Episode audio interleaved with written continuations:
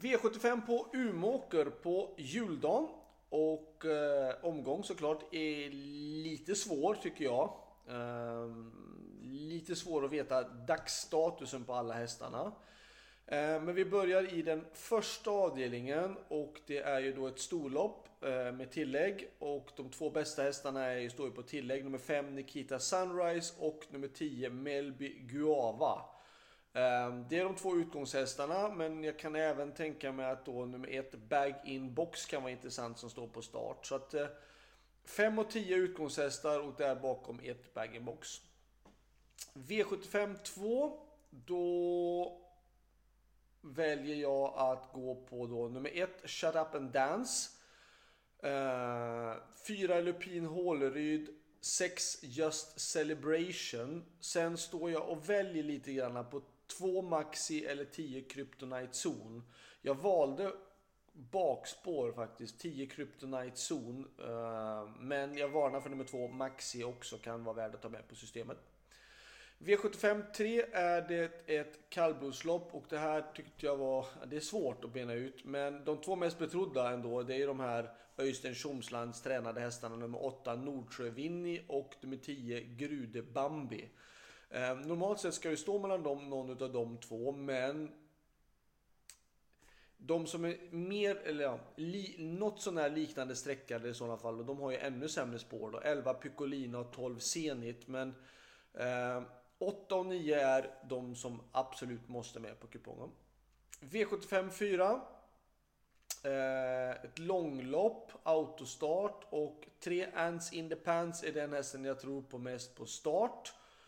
Eh, på bakspår så är det nummer 10 Chestnut Boye och 11 Albert Sonett. Vill man ta med ytterligare någon häst och i sådana fall är det nummer 6 Lugo.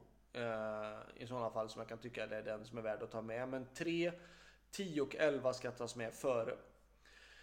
V75 5 väljer jag spiken nummer 4 Soropa.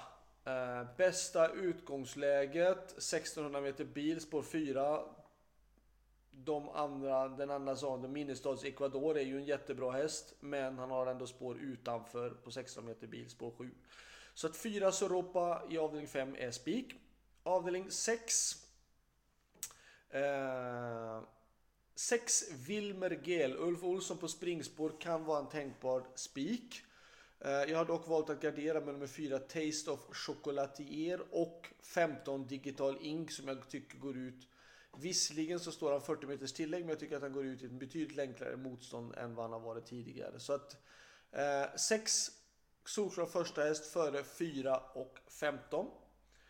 Och V75 7 då är det ju ett kallblodslopp. Eh, 2140 meter och både 20 och 40 meters tillägg för vissa hästar. Och jag tycker att nummer 1 Åstads Marcus det var den som jag kanske kan tycka var kanske ett lyxstreck, men jag tog ändå med den för Björn Karlsson spår 1 och den har eh, den står bra inne på pengarna och alltihopa. Jag kan tycka att det är intressant. Eh, tre Stjärnetore.